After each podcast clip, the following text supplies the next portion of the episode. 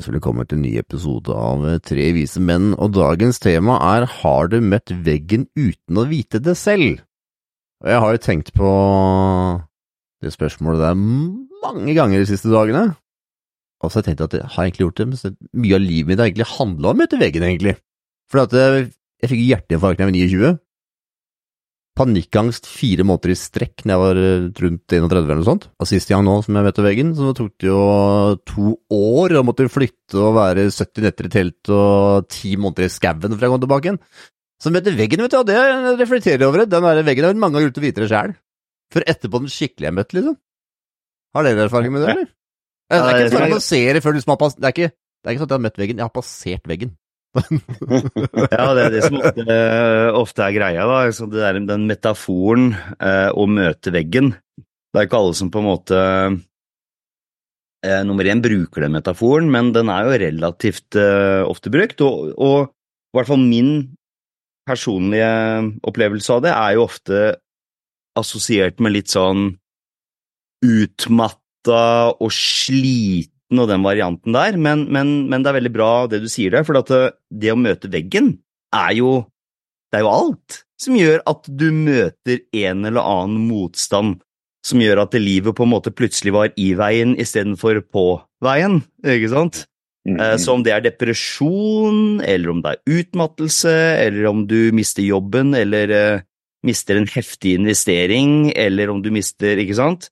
Så alt det her er jo å møte veggen, så, så jeg, jeg, tror det er et veldig godt uh, og interessant tema, for jeg tror det er veldig mange som har møtt en form for vegg, uten at de kanskje egentlig Nummer én, kanskje, kanskje ikke de har brukt den metaforen sjøl, men, men, kanskje ikke de heller er egentlig på en måte klar over det. Kanskje ikke de, kanskje ikke de er egentlig helt bevisst på det.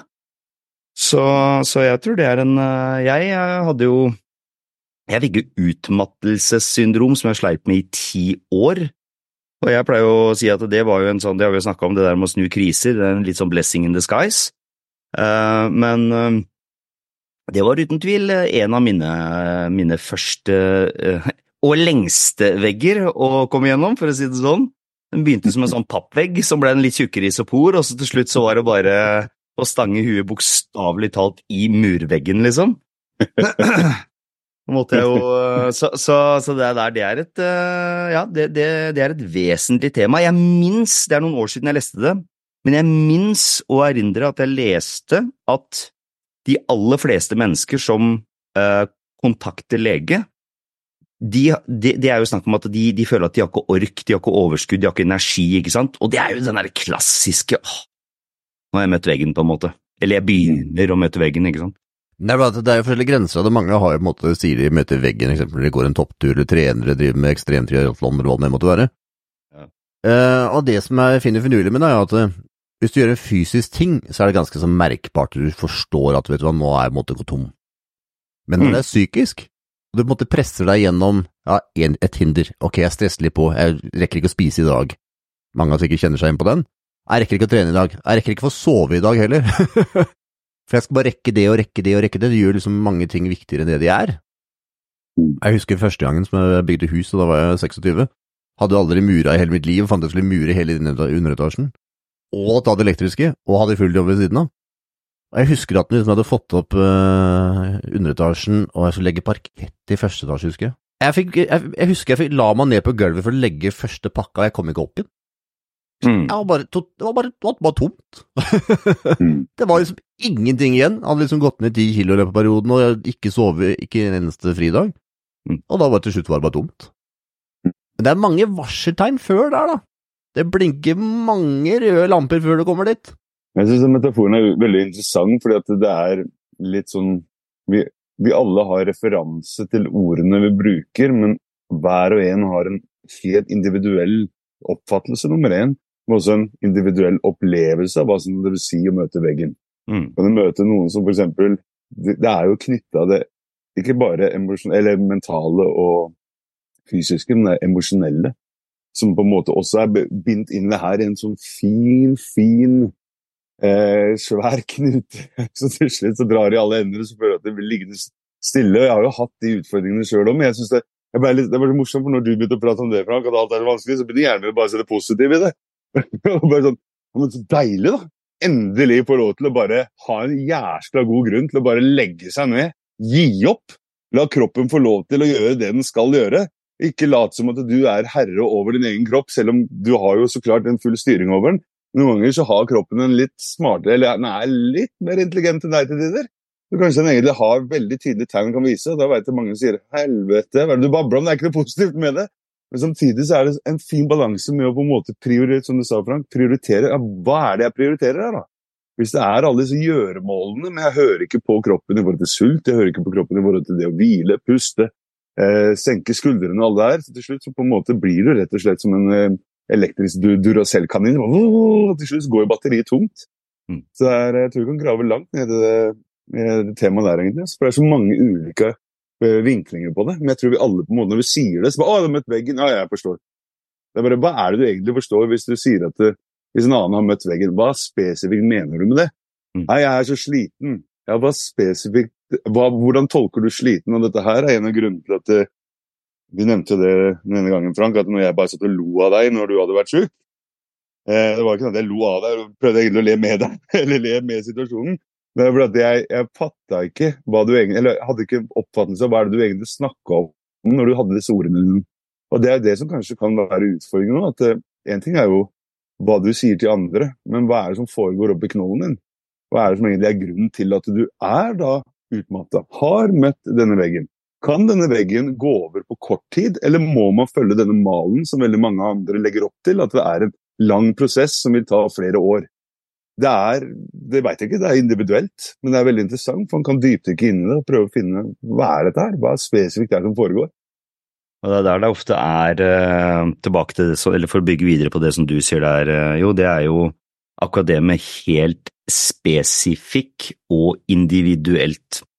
Fordi jeg hadde utmattelse i mange år, og det, klart, det, jo, det, var jo på en måte hjertebarnet mitt i mange år å jobbe med andre som sleit med utmattelse også, uh, etter det det blir jo ofte sånn hvis du på en måte, hvis du klarer å løse en mental, emosjonell eh, og eller fysisk knute, ikke sant, som, som er, og spesielt sånn som utmattelsessyndrom, da, som har litt sånn rykte for seg at liksom, nei, det, det kan du ikke på en måte Det er bare noe som i hermetegn må gå over av seg sjøl, på en måte, ikke sant? Og, og, og da er det som du sier, da, ok, du har det mentale, du har tankene, som fletter seg veldig fint inn i det emosjonelle, ikke sant? Følelsene våre som blir til emosjoner. Og vi vet jo det innen psykofysiologien, ikke sant, tankene og følelsene våre, det påvirker jo den fysiske kroppen vår, ikke sant? Mm. Og da blir det sånn, hvor er det det her starter for deg? Er det det at du har en matintoleranse som du ikke hadde før, som har slått ut immunforsvaret ditt, som da påvirker følelsene og tankene dine? Eller er det det at du har levd etter samfunnets verdier, på en måte. Det som samfunnet forteller deg at er viktig. Du må gjøre det. Du burde gjøre det. Du må være flink. Du skal være pen. Du skal være kjekk. Du skal tjene så og så mye. Du skal ha den bilen, den båten, det huset, den hytta. Ikke sant? Da er du en suksess. Og det her er jo det som Freud kalte for superegoet. Det er jo på en måte hvis du, hvis du lever etter andre menneskers verdier, autoriteter, når de forteller deg hva som er viktig, men egentlig innerst inne så er det ikke så viktig for deg, men dessverre så er det viktig nok til at du gidder å gå i den fella over noen måneder eller noen år. Det er svært sjelden jeg er enig med Freud, Stian, men akkurat i tilfellet her så var jeg enig med Freud. Ikke sant? Ikke sant? For, for, for tenk, dere, om, da. Mamma, pappa, onkel, tante, bestemor, bestefar, hvis du er religiøs, presten i kjerka, eh, eller Bibelen, eller nå i dag, da. Eh, noe, la oss ta noe som kanskje er enda mer relevant, i hvert fall på, på linje med mamma og pappa, når du er ung. Sosiale medier. Den plettfrie, ensida, polerte, glatte, flotte sida som kompisen eller venninna eller han eller hun som er ukjent, ser ut som de lever. ikke sant? De de lever det perfekte livet. Hvorfor hakker jeg det her? Og så prøver en og prøver en og prøver en, både fysisk, men også sammenligner en seg sjøl og sitt liv med den der polerte sida du ser der, ikke sant? Og det som jeg sier at det, jo større den gapen er mellom hva som er ditt liv, og den fantasien som du ser opp til, jo mer sliten og nedstemt og til og med kanskje deprimert blir du, ikke sant? Og da har du den der veggen som du ofte kan møte, liksom. Mm. Da kastet du en liten mm. brannfakkel akkurat når det gjelder sosiale medier, og som jeg nevnte før sikkert. Sosiale medier for meg er en kjepphest, og jeg ser spesielt at uh, unge jenter er de som uh, kanskje får det mest negativt, og da er det kanskje jeg har begynt å informere mine barn i alle fall, at uh, ser du reklame eller den andre ting, så er det ofte noe som tjener penger på det. Mm. Uh, og insentivet på de som har denne fasaden som du nå ser, er å insentive penger. Vi kunne nylig lese at uh, veldig mange i dag tjener opptil 15 000 kroner per dag for å være influenser på Snapchat eller andre plasser. Og det er jo veldig mange som retter seg mot jenter, sminke og så. Og det er kanskje greit å informere barna dine, at de som du ser polert på sosiale medier, tjener nettopp ganske bra med penger for at de skal få deg til å kjøpe noe og skal føle deg ganske dritt. ikke, at, ikke, at, de med vilje får deg til å føle deg dritt, men det er på en måte det er et resultat av nettopp det de på en måte påvirker dem med. Og mm. kanskje informere barn om at vet du hva, det du ser er faktisk i veldig mange tilfeller noe som prøver å selge deg noe. Ja, det, og, det, ja, det holdt på å si, ja. Nei, jeg, jeg, jeg, skulle, jeg, skulle, bare si akkurat den der, bare for at den er så Det er så viktig. Og det er klart det her blir vanskeligere og vanskeligere for yngre og yngre foreldre, for de har jo nesten til og med vokst opp i det her sjøl. I hvert fall de yngste foreldrene i dag, ikke sant? Men, men akkurat det som ikke sant, virkeligheten har to sider, og det som vises her, er ikke virkeligheten. Mm. Så det var det eneste jeg skulle si. Ja, det er fantastisk. Og det som er veldig finurlig, at når man eller jeg har lagt merke til personlig at det er veldig mange eller yngre og yngre alder møter da Vi kan si vi sier møter veggen. og det er egentlig sånn her, Når jeg hører det uttrykket, så hørte jeg det egentlig eh, når jeg var yngre. akkurat som Det var noen som slutt, eller ikke var på jobben om en periode. når jeg var 18 år, Hvorfor det? Jeg møtt veggen. Det var liksom bare et tabu greie. Du snakker ikke så mye om det. Og desto mer tiden, eller desto lengre desto mer tid som har gått, og desto mer folk stimulerer seg med hva enn de stimulerer seg med, mm. så det tilsynelatende viser seg at det, desto yngre blir menneskene som møter denne veggen. Og det så, den der Metaforen av å møte veggen får sånne veldig klare, tydelige bilder er La oss si det sånn her, da. Hvis jeg og min sønn er sammen så mange timer som det går an i døgnet, la oss si en helg, jeg er med ham, jeg ser hva som påvirker ham, jeg ser, jeg er der fysisk, jeg kan være der. Hvis han faller, så kan jeg hjelpe han opp. Jeg kan være i alle disse mulige, ulike scenarioene så godt det går, så godt jeg kan strekke til. Og så kan man da legge merke til at bare blir litt eldre, så vil man ha alenetid. Og den alenetiden kan bli fylt med en skjerm. Mest mm. sannsynlig så blir det litt også bare for at foreldrene ønsker litt fri fra situasjonen. Så blir det sånn at de bare Ta denne skjermen, det er bare for en liten film. Men i filmer i serier. I alle mulige av disse her fantastiske skapelsene av ja, nesten det er vesener, nesten, nesten, så på en måte er det så mange ulike beskjeder. Så hvor mange av de tingene har du fått med deg selv? For plutselig, her om dagen, så sier sønnen min til meg at han begynner å ta, rett, eller fortelle om en glose han, eller en setning som han har sett på en film. Og han syntes dette var så moro. Fordi han kunne rett og slett relatere det til sitt eget liv. Han er åtte år gammel. Mm. Og Hvis du starter allerede med å se en film som vi voksne kanskje ser med barnet, tenk deg hvor mye av den som, Fem minutter! Bare se et, et, forferdelig scenario på nettet, fem minutter, kan sitte nok i hjernen din hele livstiden din. For det kan mm. treffe deg så ubehag at du kan rett og slett La oss si du ser noen slår seg så inn i hamperumpa, og du ser at den potensielt aldri vil kunne bli det samme. Spiller ingen rolle aldersgruppa hvem som ser det, du merker det, for du kjenner det der er, det der er farlig, det der var ekkelt. Det lille støkket som sitter der, kan være nok til at du på en måte redigerer litt av atferden din i tiden som kommer framover. Og det er bare én mm. liten video.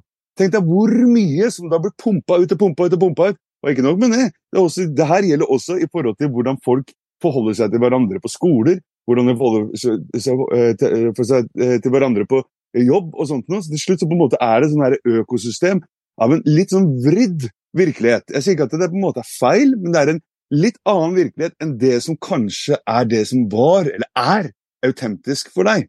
Mm. Så det er litt sånn at Man begynner å gå en liten annen sti når man er mindre, finner sin egen vei. Kanskje faller litt, eller blir mobba litt, og blir dytta litt og pusha litt, eller du møter motstand, og så finner du en vei rundt det. Og så tar du med deg den erfaringen videre, og så baserer du deg på den tidligere erfaringen. Og det er det jeg har opplevd. Jeg vet ikke, for jeg har ikke noe svar på disse store, fantastiske spørsmålene om livet. Men jeg har i hvert fall lagt merke til veldig mange mønstre. Og de mønstrene jeg ser når det gjelder mange av de jeg har snakka med som har vært utbrent, er at de har opplevelser i underbevisstheten sin som har akkumulert seg til et punkt hvor at nervesystemet, kroppen, følelsene eller det mentale ikke klarer å vedlikeholde disse ulike eventuelt energigenereringen, At du genererer mye energi i de scenarioene. Akkurat som at du går tom for entusiasme, eller tom for energi, eller tom for ønsker, eller tom for driv. Det er nesten litt sånn at kroppen forteller deg at hei, du smakk, legg deg ned, slapp av.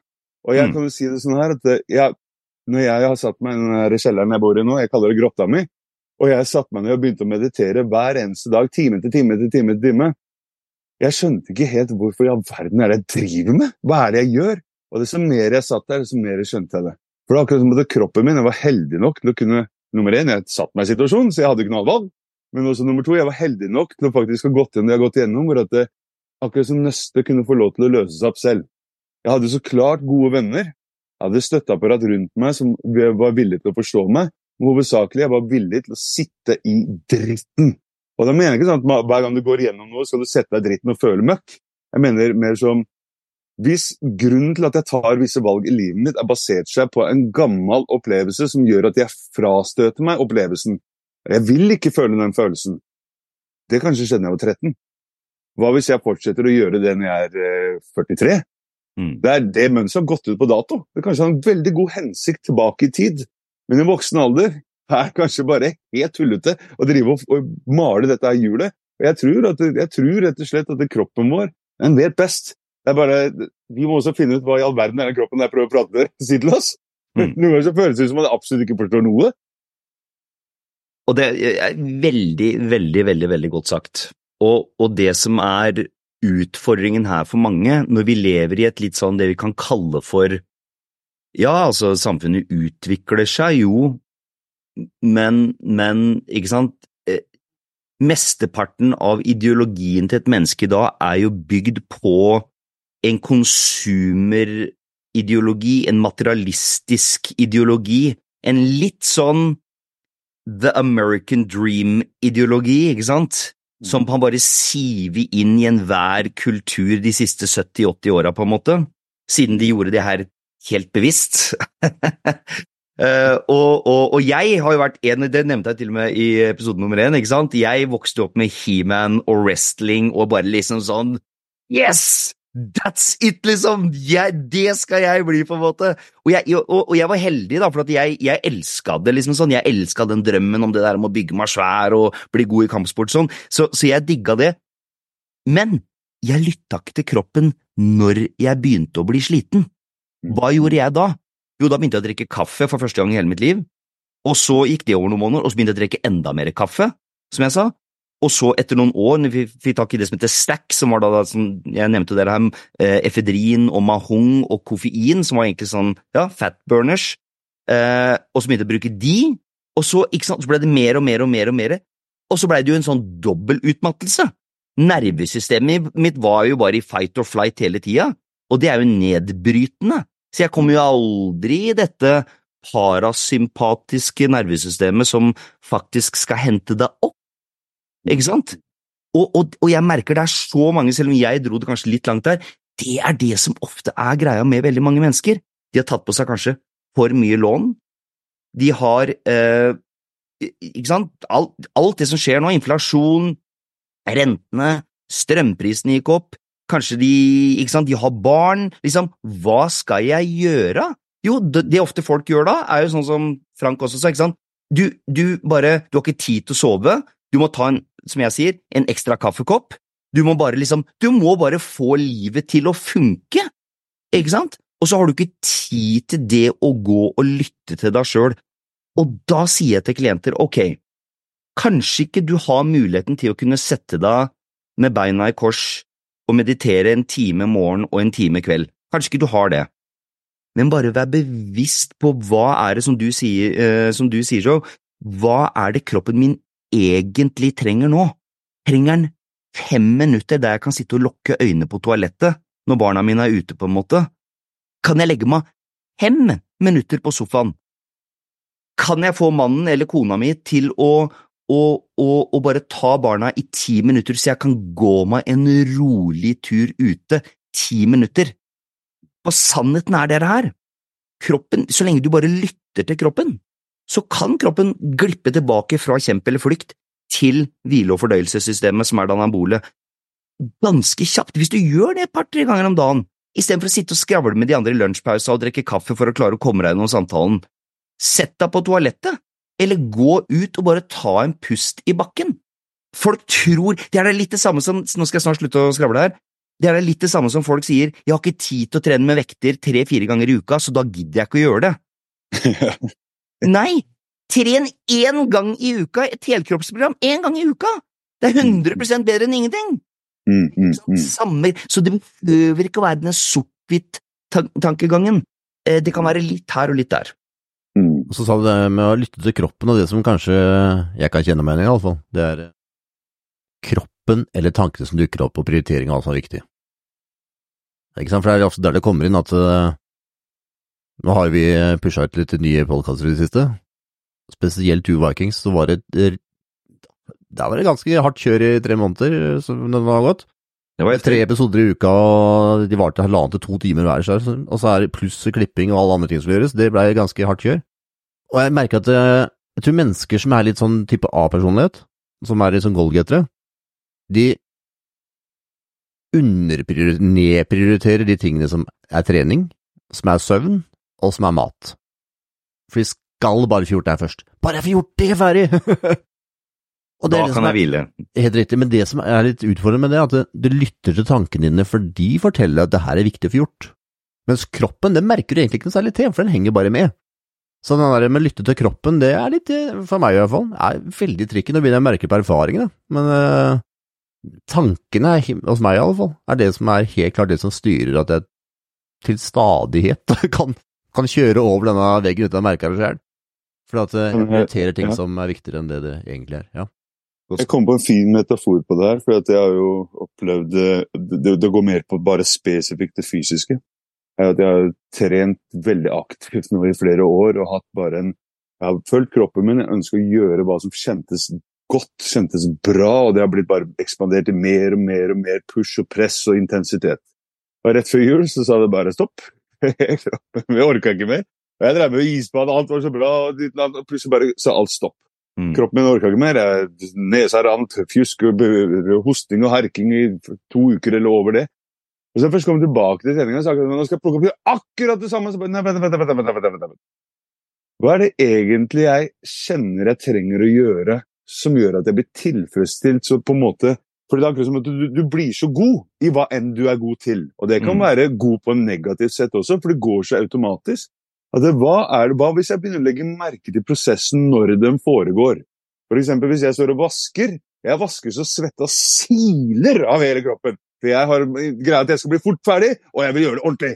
Det er bare at det, emosjonene mine, kroppen min og det mentale er jo bare Og det samme kanskje du kan si om hvordan jeg har trent også. Så det har gjort at jeg har begynt å få utfordringer i skuldre, alle mulige eh, småting som har begynt å dukke opp. Og i stedet for at jeg på en måte Det jeg gjorde i starten, var jeg følte å herregud, søren òg, jeg vil bare ha det jeg vil tilbake der, bare, jeg vil bare ha det bra. Bare, Nei, nei, vent, vent, vent. Hva hvis jeg tar den der utfordringen som dukker opp, og så tar jeg og setter den foran og bruker det som rett og slett min utvei, eller utgang, til neste steg. Mm. I stedet for å henge meg opp det skulle vært på den måten her, hva hvis den utfordringen her så beveger meg i den utfordringen? Og det tror jeg Hvis man tar sånne tegn, og det er vanskelig, for alt blir så metaforisk når man snakker om disse tingene som skjer. Alt blir teknisk sett metaforisk, fordi vi har vår egen opplevelse, vi har vår kropp, og vi har våre tanker, vi har våre følelser, og vi har våre sanser som på en måte tar inn og ut denne informasjonen her. Men det som er så utrolig fascinerende, er at det, den kombinasjonen vi bruker av disse ulike kroppen, følelsene, det mentale og sansene våre, er jo rett og slett hele Rubiks kuben til livet. Den subjektive opplevelsen ligger jo i bare hvordan du kan justere den opplevelsen der. Og kan tenke at ja, Det er livstid å finne ut. Yes, det er derfor vi lever! Vi har jo rett og slett livstid å finne ut! Og selv om det da stopper og er ubehagelig, og sånt så hva kan jeg gjøre? Bare en liten vri. Bare ta Rubiks kuben og vri den lite grann.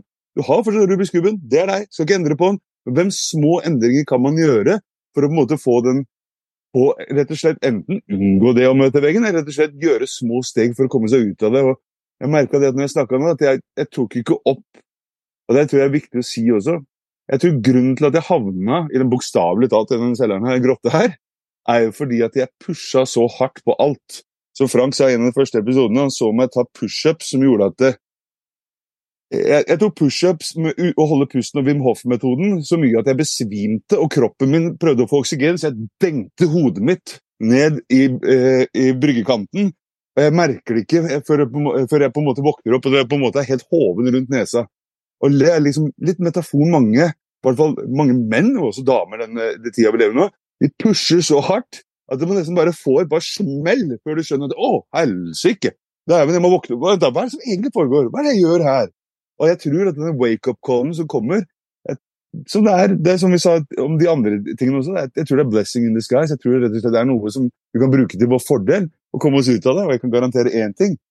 Jeg har veldig, jeg har til, jeg har til gode å ennå møte noen som har blitt svakere av en utfordring som de har overgått. Det er ennå mm. til gode å se det. Jeg har faktisk det. Mm. Mm. Ja, veldig, veldig Ja, veldig godt poeng. Eller flere, flere gode poenger der. Og, um, og når sant, definisjonen på det å overkomme en utfordring, det er jo egentlig hvor mye har jeg faktisk lært av det her? Ja, og, og inkorporert, ikke minst. Eh, ikke sant? Mm. For, ikke sant? Det ene er jo For å si det sånn, er du heldig, så har du i hvert fall klart å lært av det intellektualiserte, ikke sant? Men så er det som du sier, inkorporerte. Føler jeg det? Klarer jeg faktisk praks, praktisk sett å praktisere de nye tinga? Gjøre mer av det jeg nå har forstått at jeg trenger å gjøre? Og gjøre mindre av det som faktisk sleit meg ut, ikke sant?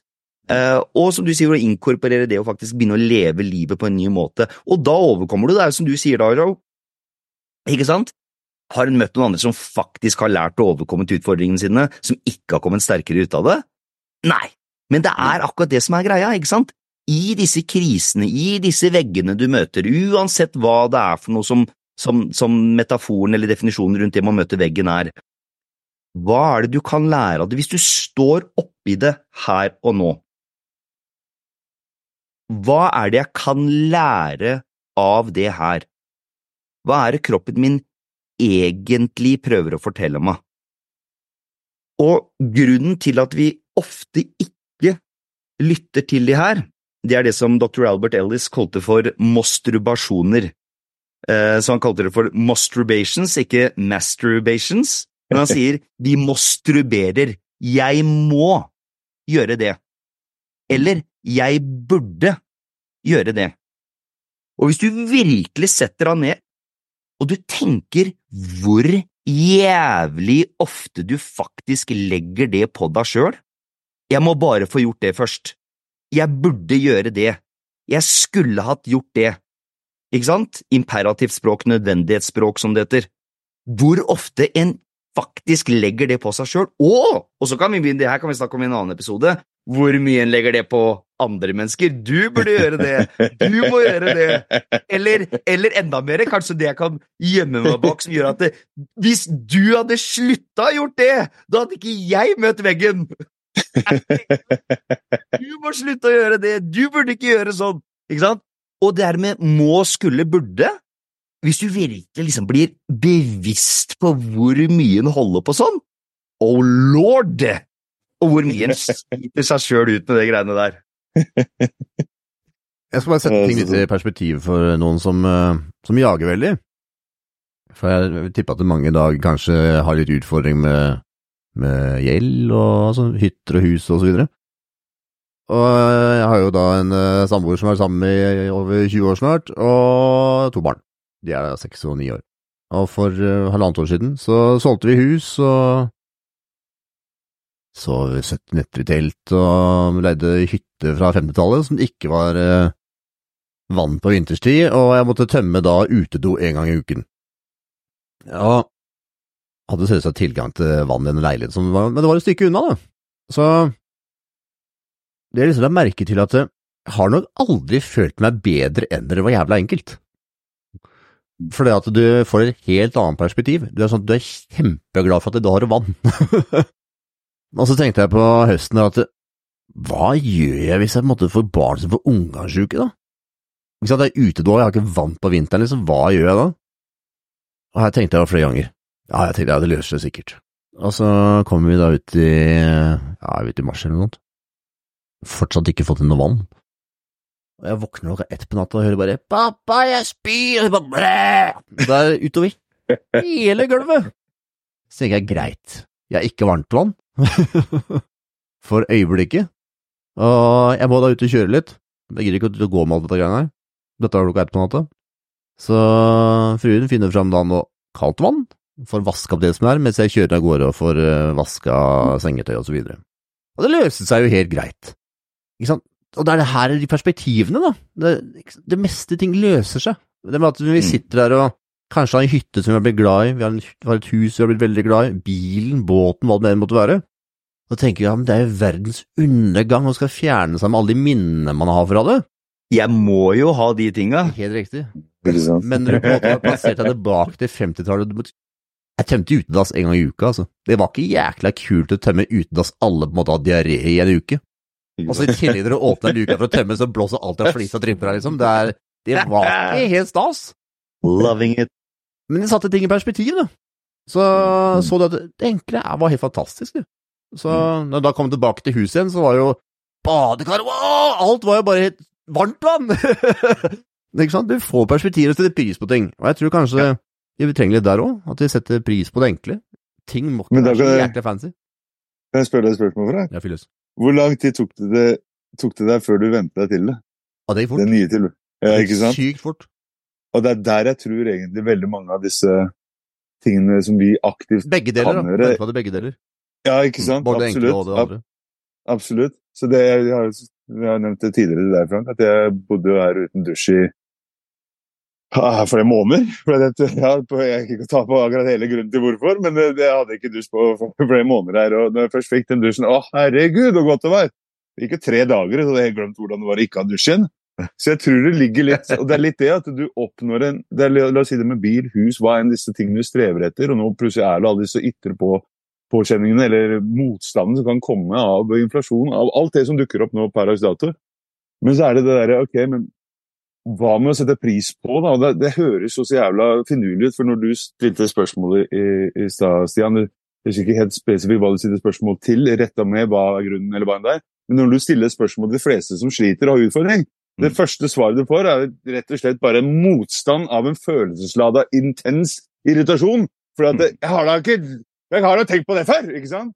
Så det er, hvordan kan jeg da bruke kroppen min til å endre denne tilstanden? Og det kan, jeg vil gjerne at vi har en helt egen episode om seinere. I mm. forhold til det at hvor, hvor stor den tilstanden vi er i, den følelses-, mentale, fysiologiske opplevelsen vi eier i øyeblikket, hvor stor den har en påvirkning på de tankene og de valgene, eller eventuelt de svarene vi vil gi. For eksempel, jeg bruker et godt eksempel her nå, eller det som skjedde her om dagen. Går inn på butikken, der står det en uh, veldig glatt 20-åring som absolutt skal selge et eller annet finurlig til meg, ikke sant? Eh, hei! Og så sier han et eller annet greie. Jeg Min irritasjon over tid det er ikke snakk om at jeg irriterer på den guttegjøsen her, jeg har jo aldri møtt den før. Men det er alle disse gangene jeg har blitt spurt. Så jeg har bygd opp en motstand. Med en gang jeg ser en sånn, så bare det Jeg blir like kald som et isberg, og jeg ser på deg som at jeg har lyst til å drepe deg. Jeg har kommer aldri til å utføre noe sånt, men det er den følelsesresponsen jeg får. Så hva er en spørsmål han stiller meg? Jeg kan bare stappe rett opp et eller annet sted, for jeg er ikke interessert, for jeg skal inn og handle, og du bare står i veien for meg. Men hadde det rett og slett vært en annen tilstand jeg har vært i, og det har sikkert lytter, lytteren vært borti, at du går forbi en tigger, og så har du tidligere hatt en veldig rørende telefon med, med kanskje at det, noen du bryr deg om har blitt skadet eller såra, eller du trenger å rett og slett få hjelp av noen fordi du kjenner en følelse av hvordan skal vi hjelpe en person, og så går du forbi noen som trenger hjelp, og så automatisk hjelper du. Du bare tar det, det bare skjer automatisk. Så den tilstanden vi er i, er jo rett og slett veldig Det er for meg da, nøkkelen til hvordan du egentlig tar disse valgene framover. Og mange ganger når man er i en møtt veggen-opplevelse, så er det ikke bare snakk om én tilstand. Det er snakk om en, en, en, rekke tilstander hvor du rett og slett har prøvd alle ulike eh, utveier, og du føler at ingenting funker, og deretter da blir plassert tilbake igjen. Så, ja. Og det er så viktig eh, poeng den biten her, og det er jo ikke sant um, Vi kan jo også ha en egen uh, en egen podkast om det jeg skal begynne å snakke om nå, men bare sånn kjapt, ikke sant. Det, altså, hi, historien om oss sjøl, la oss kalle det ego, da. Ikke sant? Ego er jo historien. Det er jo alle tankene om alt som har vært. Jeg har opplevd det, jeg har Ikke sant. Alt, alt det negative, alt det positive. Og så er det alt som du sant, snakker om, det er alle håp, og det er alle bekymringer, og det er alt om framtida, på en måte, ikke sant? Og så mørser vi dette her sammen til da én sånn, kall det tilstand, en opplevelse om hvordan livet mitt er nå. Og det er også ofte problemet det når en har i hermetegn møtt veggen. For det er liksom sånn, ja, du kan kanskje være sliten, eller det kan være én situasjon i livet ditt. La, et eksempel. La oss si du, du sliter i forholdet og så bryr du deg veldig om forholdet. Noen mennesker er sånn, de er bare sånn, ja, forholdet det er bare en liten del av livet mitt, på en måte sånn, så hvis det går til rett vest, på en måte sånn, så er det greit, jeg finner meg en ny partner, det vet jeg, på en måte, ikke sant. Andre, de investerer nesten hele sjela si i forholdet, så hvis forholdet går dårlig, da, da, da møter de veggen på alle områder, mm, ikke sant, da har jeg møtt veggen. Hvis forholdet gjør meg trist og lei, da blir jeg deprimert. Du klarer ikke å resonnere over at nei, jeg deprimerer mm. som noe jeg gjør, jeg deprimerer, tenker meg sjøl ned når jeg tenker på forholdet, men jeg har gode vennskap.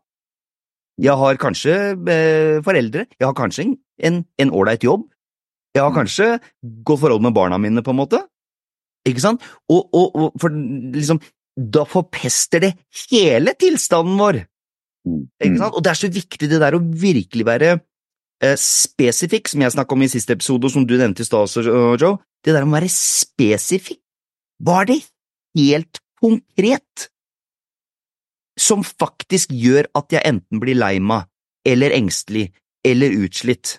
Og så prøve å dissekte det, så ikke det blir hele historien om livet mitt, for da er det lett å bli sint og frustrert eller komme i offerrollen ikke sant? Og så er det bare sånn jeg har møtt veggen, som om det har blitt identiteten min omtrent, ikke sant?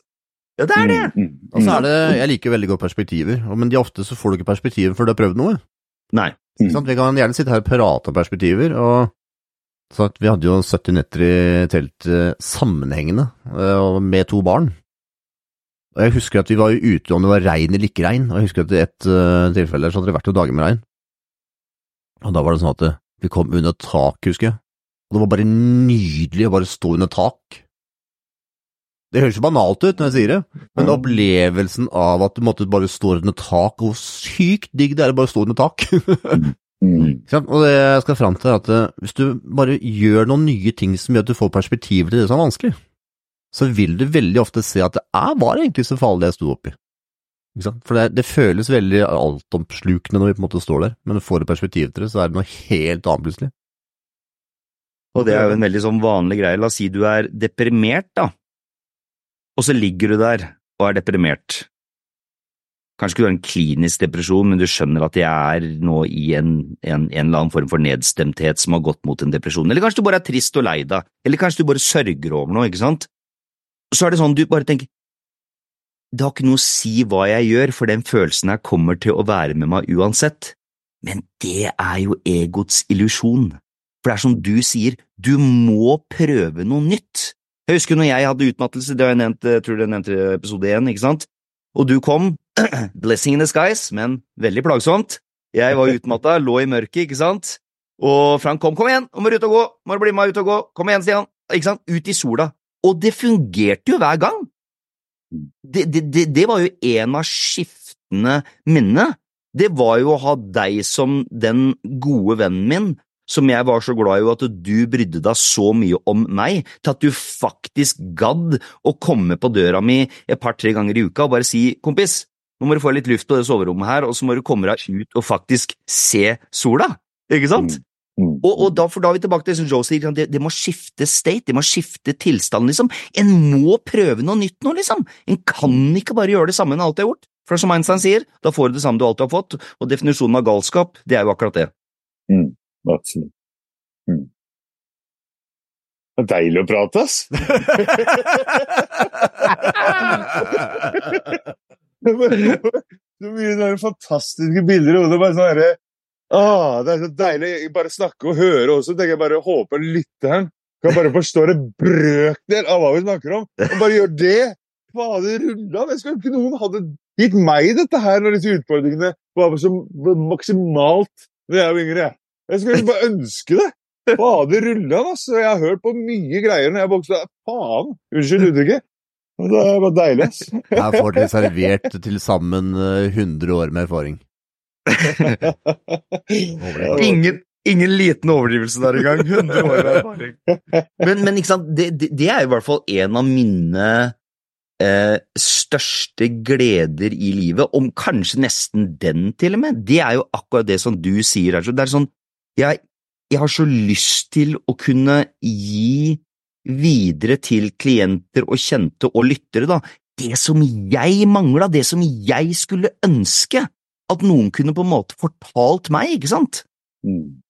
Eh, og gitt mm. meg den retningen, eller i hvert fall, hvert, hvert fall gitt meg noen sånne å ja, å ja, kanskje jeg skal begynne å tenke litt i den retningen der, ja, som Frank sier, de perspektiv, litt nye perspektiver, ikke sant? Mm. Det, det, som er utrolig vakkert med det her, at det, det, i det jeg prater, jeg hjernen klarer ikke å tenke Jeg kan ikke nevne, jeg kan ikke prate om alt det, for jeg merker at det er så mye som må gå mer i dybden seinere. Ja. For Så mer vi prater, så mer går det i hjernen min. Så på en måte For meg blir det veldig overfladisk. Det er der jeg tror du kan relatere til det å møte veggen. Mm. Hvis du har møtt hvem enn utfordringen er som du føler at det blir begrensa, for deg ligger det så selvforklarende at det er veldig vanskelig i det hele tatt å snakke om det. For det, det makes no sense å nevne det, for du veit at den greia f.eks. jobben, den er utfordrende, sjefen er dårlig, eller forholdet går dårlig, eller barna har utfordringer, eller pengene går dårlig. Du vet disse tingene, og du vet at desto mer du prater om det, du får ikke løst det likevel. Så blir det sånn, ah! Og du får mm. alle motstander rundt det. Det som er at Alle de tingene du snakker om, er at det la oss si når du snakker om de tingene, og da kommer vi litt inn på det du sa med story tidligere, som vi må ha en egen episode om, er rett og slett hvordan er det du forteller denne historien til deg selv og andre. Og dette er noe jeg aktivt gjorde i en periode hvor jeg sleit økonomisk. Mm. Og det da gjorde, jeg har fortsatt utfordrende, men ikke så ille som det var da, for da var det også det emosjonelle og det fysiske og det mentale på, oppå toppen òg. Så det gjorde at når jeg snakka med mennesker om det, så forklarte jeg sånn Å, herregud, jeg veit ikke hva jeg skal gjøre. Ditt, og folk sa ja, men gjør det, da. Skal ta en jobb, da. Gjør det. Men det var ikke det svaret jeg var ute etter, for det var et eller annet mer. Jeg visste ikke, jeg kunne ikke fatte det. Og, ditt, mm. og så plutselig jeg, ok, Hva er det jeg forteller meg sjøl, først og fremst? Og i så fall, hvem er det jeg representerer meg for disse andre menneskene her? Jeg vet, ok, Hva hvis jeg snur litt på det?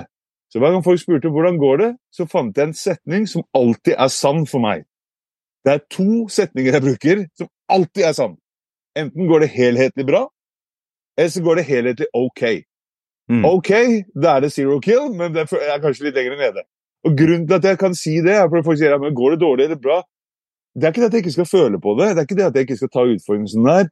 Men hvis jeg går i dybden på noen av de tingene som rett og slett plager meg, eller stopper meg, eller begrenser meg, så har jeg veldig lite til overs når gutten min har akkurat slått seg, eller, gutt, eller en eller annen ringer. Liksom. Jeg må ta, få det fugleperspektivet i øyeblikket, og det er rett og slett blitt en naturlig ting jeg gjør. Spør Frank hvordan går det, er helhetlig bra, eller helhetlig ok? Så jeg kan ha punktert bilen, ting kan gå til helvete, alt det der, men jeg, i stedet for å fokusere på det men jeg, ikke, absolutt ikke, jeg vet jeg får ikke gjort noe med det likevel. Mm. Den tingen får jeg ikke endra. Jeg får ikke endra den i øyeblikket. Mm. Så det at jeg fokuserer på det Tro meg, jeg har sittet time etter time, kanskje årvis til sammen, og fokusert på det jeg ikke kan kontrollere, det jeg ikke får gjort noe med, det som jeg ikke eh, har styring eller eh, påvirkningskraft overfor. Og jeg kan love deg, det er ikke gøy. det kommer verken resultater, det kommer verken Eh, mestringsfølelse kommer ingen vei med det, for meg i hvert fall. Du kan prøve, gi det et par år, skal du gi en rapport senere og se om det funka. Men mest sannsynlig gjør du ikke det. Så er det det ok, hva er det jeg kan kontrollere? Nei, jeg kan jo bare få kontrollere stemmen i hodet mitt og hva jeg sier til meg sjøl. Mm. Jeg kan styre, jeg kan hjelpe sømmen opp når den har falt. Jeg må ikke sitte og tenke på dette problemet, jeg kan faktisk gå bort og gjøre det.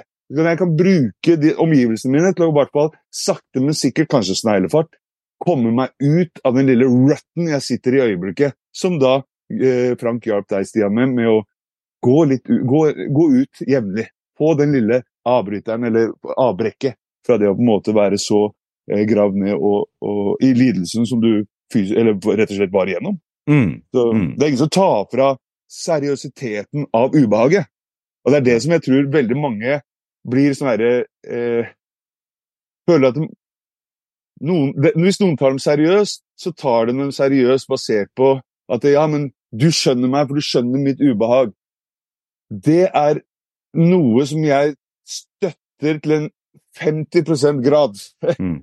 Det er viktig at du forstår den andres situasjon. Men hvis du tar på alle trossystemene, tankene og følelsene rundt det Hvis du har 100% av dems tanke, gjett hvem som sitter og har det samme.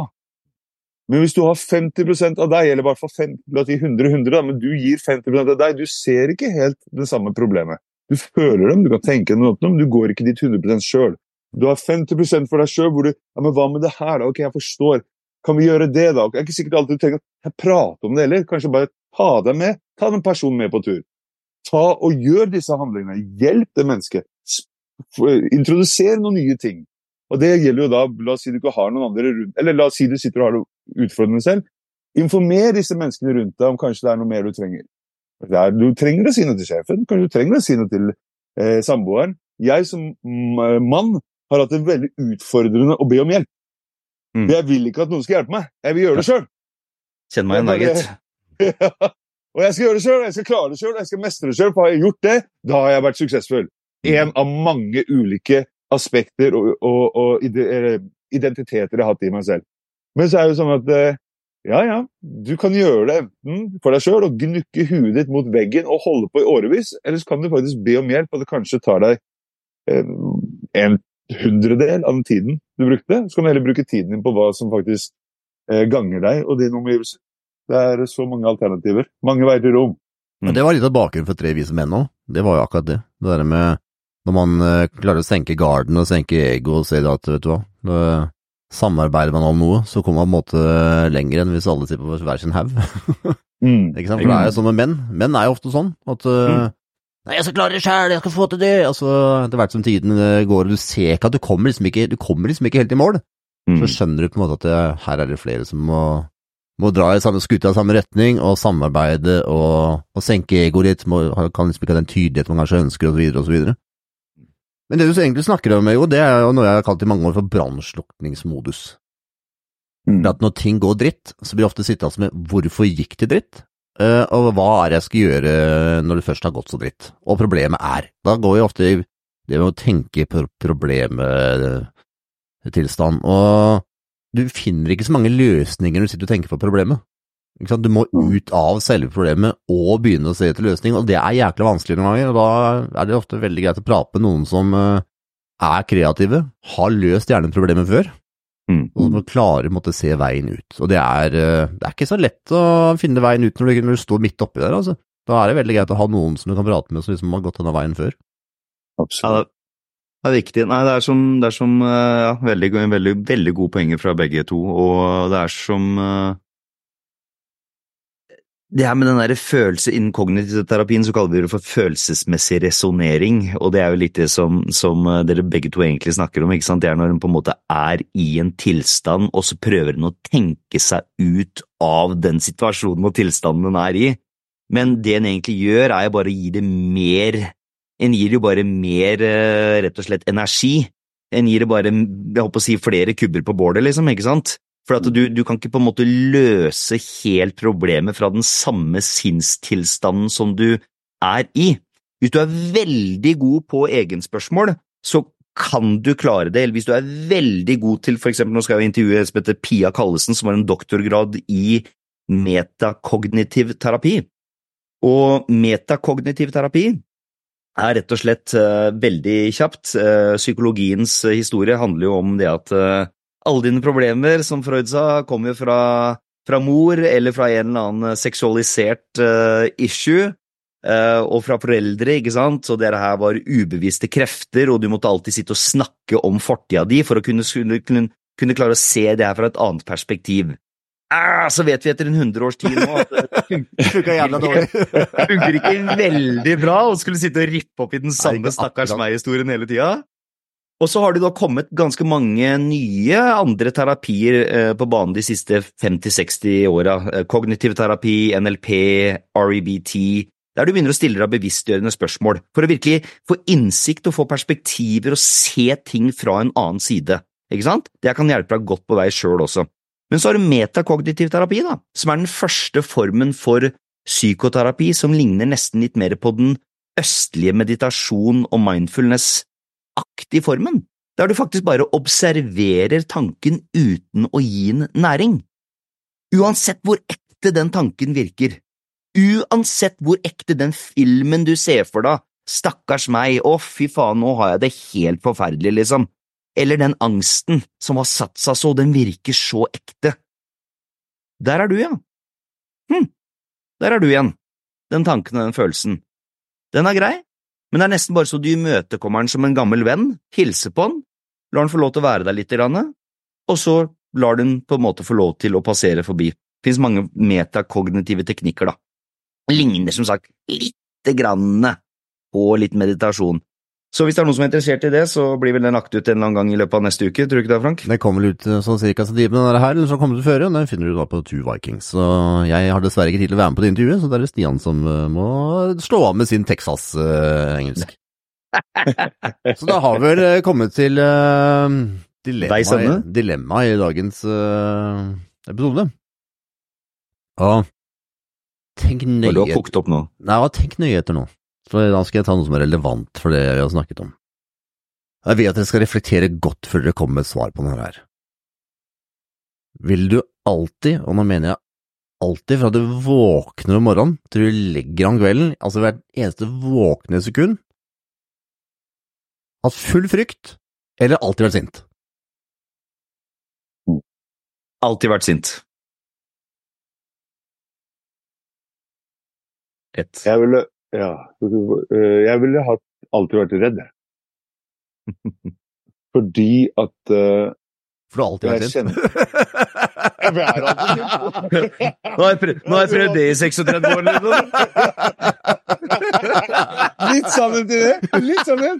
Men også fordi at eh, ja, også fordi at når jeg bare tenker på, eh, på eh, bare det å være redd, så vet jeg også det er så mange ulike grader av den følelsen av at du skvetter til for noen skremmer deg, til at 'å nei, herregud, nå glir bilen ut av veien', til at det er så mange nivåer. Så hvis jeg da hadde blitt så robust, som jeg mest sannsynlig hadde blitt, fordi følelsen var der konstant, så ville jeg alltid egentlig kunne bare snige meg gjennom og lære meg 100% å mestre frykt. Sinne det er jeg lei. Jeg kommer alltid til å bruke det. Jeg har til og med gått gjennom situasjoner hvor jeg lovt barna aldri bli sint igjen. To minutter etterpå så skjedde det. Jeg brøt et løfte, noe jeg lovte jeg aldri skulle gjøre. Så Nei, vi tar frykt. Og du da, Frank? Ah, nei, jeg har gått fire måneder med konstant frykt, ja, altså, så jeg, jeg velger faktisk sinne jeg har lyst til å være litt forbanna. Jeg har lyst til å være litt forbanna istedenfor. Nei, jeg vet hva, jeg har gått så mange ganger, nå begynner det en del år siden heldigvis, men jeg husker det fortsatt. Jeg husker det Stian, og jeg skal dra med deg den der jævla historien her. Vi er jo da i Amsterdam, og i Amsterdam så er det jo lov å, å, å gå innom coffeeshops. Og vi har da gått inn med en coffeeshop. Vi ligger da på en uh, sofa. Etter at vi har gått, jeg må si det også, vi hadde da gått, tatt innom coffeeshopen, tatt noe som heter amnesia, heter det. som det betyr på norsk, det betyr å glemme. Hukommelsestap. Helt riktig. Så når vi hadde gått ei gate, jeg vet ikke hvor lang den gata var, det var et lite kvartal, så glemte vi, når vi kom i enden av gata, at vi hadde gått den før. Så vi gikk ned igjen. I to timer så gikk vi opp på den samme gate! Jeg blei så gående at jeg begynte å grine til slutt! Og så har vi bare runda! Så jeg går på hotellet og så slapper og prøver å liksom roe ned og sånn. Og da har jeg fortsatt den perioden som jeg sliter med frykt. Sliter veldig mye med angst. Og så sier Stian Å, Frank, tenk hvis denne følelsen aldri går over, da. Og jeg bare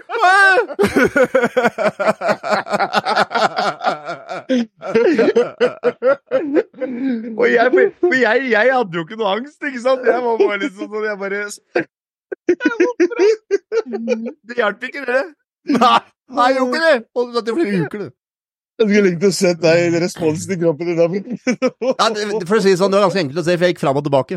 Så det var uh... Så ja. Nei, jeg velger sinne. Det var ikke noe metakognitiv terapi som jeg ga der. det sånn. Nei, det var det ikke. Den tanken og følelsen kommer aldri til å gå over, Frank. Nei, det, det gjør den ikke. Og det var akkurat det som nemlig gikk hele tida i mitt hode. Så jeg har ikke å prøvd, jeg. Åssen er det alltid å være sint? Jeg, jeg, også, jeg, jeg, jeg vokste opp med den der angsten for, eh, for å få kreft, ikke sant, som jeg hadde i så himla mange år, og det var liksom bare Å ja, vondt under høyre side av brøstet, ja, leverkreft. Å ja, venstre, høyre side av magen, ja, tynntarmkreft. Å ja, venstre side der, ja, ikke sant. Uff. Og jeg var liksom sånn Og det der, det, det var så sinnssykt slitsomt. Mm. Eh, og så har jeg Jeg har aldri vært sånn egentlig veldig, veldig sint, men jeg har jo hatt jeg hadde, jo- jeg vil si jeg hadde noen perioder da jeg var liksom Da jeg kjente på noe aggresjon i sinnet. Du ikke har særlig av sinne. Jeg har ikke telling på engang. Hvor mange ganger du har jeg sett deg få utblåsning for et eller annet slag med ja, Jo, jo, jo, jo, jo, altså, altså jo, ja, men, ja, men nå, nå- snakker vi om kronisk sinne, sånn å gå og være irritert og være sint på verden og sånn, liksom. Å nei, er du gæren? Ja, at- er det noen som har hatt utblåsninger, så er det meg. Det Jeg er må, fortelle- ikke må fortelle historien der. Ja. Stian han er ofte litt uheldig i bil, og spesielt hvis jeg er i nærheten. Jeg vet ikke hvorfor, men de gangene du er uheldig i bil, så er jeg veldig ofte i nærheten. Ja. Så vi skal da kjøre en bil fra Porsgrunn til Oslo. Dette er en Toyota MR2, som da den gang tilhørte Stians samboer. Hun har gitt Stian en beskjed på forhånd, som jeg ikke er klar over. Den beskjeden var ikke jeg klar over heller, for å si det Nei, sånn. og den, så det greit. den bilen, den, den mangla olje. Ja. Så vi kommer da til Drammen. Jeg hørte ikke, og det er MR2 så er motoren der bak det, så jeg hørte det klakker noe jævlig i den bilen. Du, jeg, jeg, jeg tror vi må vanne olje med den bilen, altså, for noe er gærent her. Det klikker noe jævlig. Stopper inn, og den er jo knusktørr, så fyller på olje. Du må huske hvor vi stoppa, da. Ja, jeg husker det.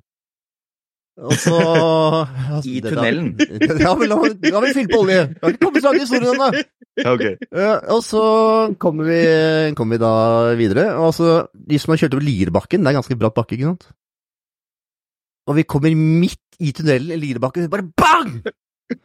Og der stopper bilen, midt i tunnelen, klokka fire! I svingen, liksom! I tunnelen! I svingen tunnelen. Og hva må man gjøre da? Jo, da må man dytte. Heldigvis var vi ganske god form begge to, og heldigvis er ikke MR2 så jækla tung. Så vi måtte dytte den opp til på utsiden av tunnelen, midt i rushen, og vi kommer opp på sida der.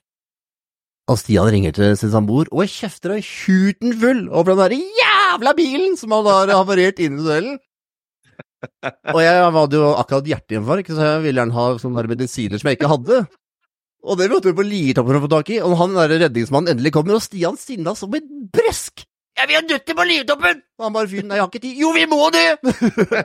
Å, fy faen, jeg har sett så jævla mye sint. Ja, nei da. Ja da. Det var tider. Og, og det som er vittig, da, det her var jo faktisk Ja, det her er jo 2009, da, så jeg har heldigvis roa meg litt eh, ned siden den tida der. Men, men, eh, men det er det jeg mener, da, ikke sant? Tenk Ok, nå, nå, nå flippa jeg nesten litt rundt, for nå skulle jeg til å si tenk å ha vært så, så forbanna 24 timer i døgnet. Da Det var det jeg mente, det var det som var Da er, dilemmaet her. da er det jeg som hadde fått hjerteinfarkt. Da er det ikke deg. Men, men når, når du sa det, så tenkte jeg liksom litt mer sånn ja, Litt sånn Gå og være litt sånn små Nei da, det er det der jeg mener. Når det er sånn som vi var på, var på tunnelen her. Hvis du har det hele tida fordi du står opp om morgenen det, hadde ikke, det, hadde, det hadde ikke gått an. da. Det hadde, altså, da, da hadde du daua, liksom. Det er sjukt. Ja, nei, du, du kommer uten tvil med noen øh, Du kommer med noen vriene, vriene dilemmaer. Men jeg tror nok jeg hadde valgt å være Sinna som er 24-7. Jeg tror Ja, men tenk å ha panikkangst resten av livet, da! Det er jo enda verre! Nå vil jeg, nå, vil jeg heller sovne og våkna fly forbanna, liksom. Helvete, altså! 28 timer, så bare faen, Enn å en, en, en å våkne livredd og legge seg livredd og hele dagen livredd, liksom. Nei, det hadde ikke gått, altså. Nei, nei, Jeg tror jeg kjenner fortsatt tatt livredd. Aldri? Jeg tror jeg fortsatt har tatt livredd. Nei, det er fordi du alltid er sint. Du må jo rette seg litt der. Du hadde jo blitt jævla ensom da hvis du skulle gått og vært fly forbanna bestandig, liksom. Skremmer Det blir ganske ensomt ut av redd hele tida òg! Ja, ja, ikke sant? Det er jo det som er greia. Ja, men da, da kan du i hvert fall kanskje få litt grann sånn stakkars deg. Nei da, det er bare første uka, det. Du orker ikke høre på det lenger. Ja. men men klarer deg sjæl, du skjønner at jeg kan være redd for de greiene der! Ja, du har hørt den. Nei da, så det, det blir aleine uansett. Lord, altså. Det er ingen sympati å få uansett hvor du havner. Nei, nei, for å si det sånn, er du mannfolk, så må du klare deg sjæl uansett, liksom.